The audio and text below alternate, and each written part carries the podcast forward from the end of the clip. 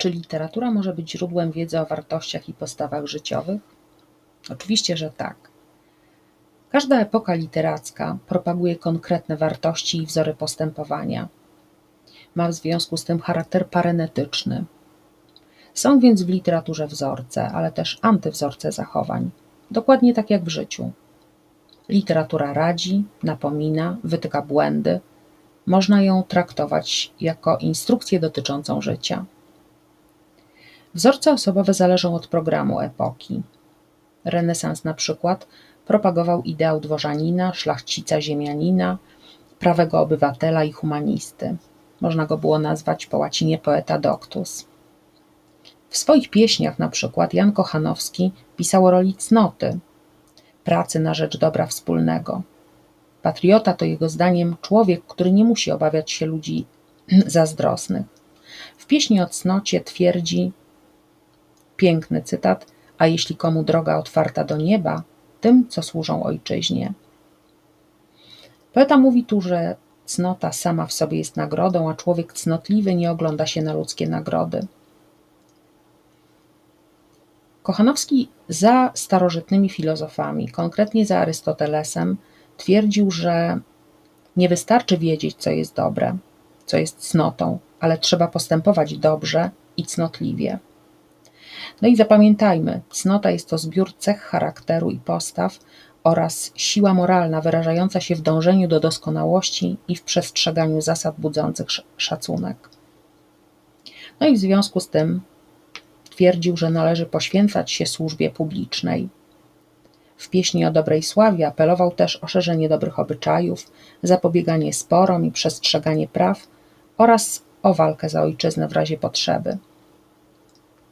Romantyzm kreował wzór człowieka zaangażowanego w walkę za ojczyznę właśnie. Wynikało to z sytuacji, y, z sytuacji kraju i losu polskich poetów, którzy, tak jak Mickiewicz czy Słowacki, byli emigrantami, tęsknili za ojczyzną. Trzecia część dziadów Mickiewicza przedstawia martyrologię młodych Polaków i jest to droga do odzyskania niepodległości. Cichowski, Janczewski to wzór postaw w chwilach największej próby. To więźniowie, których nie złamano podczas tortur. Mickiewicz wskazuje też postawę pokory, Tę postawę przyjmuje ksiądz Piotr, który dzięki niej otrzymuje wizję przyszłych losów Polski. Ksiądz Robak z kolei z pana Tadeusza to po metamorfozie wzór człowieka, który dąży do odzyskania niepodległości różnymi drogami. Jako żołnierz armii Napoleona, emisariusz polityczny i jako ten, który uświadamia naród i zachęca do powstania przeciwko Moskalom. Pozytywizm przynosi inne wzory. Dwa romantyczne powstania wykrwawiły naród. Potrzebne były nowe wzorce, oparte na pracy, nauce. Kopalnią wzorców jest oczywiście lalka. Wokulski to wzór człowieka sukcesu, który po ośmiu miesiącach przywozi z wojny dziesięć razy więcej pieniędzy, tworzy miejsca pracy, pomaga innym. Jest zainteresowany losem najuboższych. Rzecki, wzór człowieka pracy, powiedzielibyśmy homo faber, uczy się zawodu, pracę traktuje jako najważniejszą część swojego życia. Jest sumienny, cierpliwy i uczciwy. Ochocki to z kolei wzór naukowca, który wciąż się rozwija, nie zadowala się tym, co osiągnął. Lalka to też powieść przedstawiająca antywzorce postaw. Łęcka, Maruszewicz, Krzeszowski, Starski, cała galeria. No cóż, Prus jest obiektywny, a lalka to arcydzieło. Jest w niej wszystko.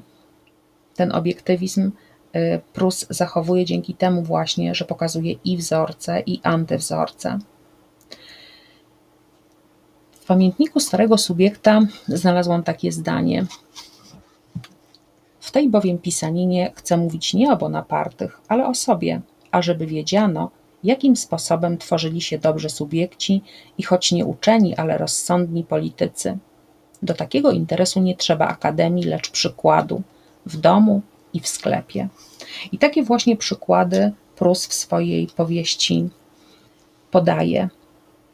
Co prawda, z lalki dowiadujemy się, jak nie kochać, dowiadujemy się, jakie wartości człowieka nie zawiodą. Tymi wartościami są na pewno praca, przyjaźń. No i właśnie podawanie przykładów, podawanie przykładów, no i antyprzykładów. Literatura może spełnić rolę przewodniczki po życiu. Jest zbiorem wiadomości o postawach i wartościach, jakie mogą ułatwić lub utrudnić życie. Kochanowski, jak nauczyciel i mistrz, podpowiada, co postawić na szczycie hierarchii cnót. Tą cnotą najwyższą jest dla niego patriotyzm. Mickiewicz wskazuje na postawy, jakie należy przyjąć w bolesnej dla kraju sytuacji. A Prus? Prus pisze arcydzieło, które pokazuje życie z jego chaotycznością i przypadkowością. Arcydzieło, z którego każdy wybierze dla siebie właściwe wartości.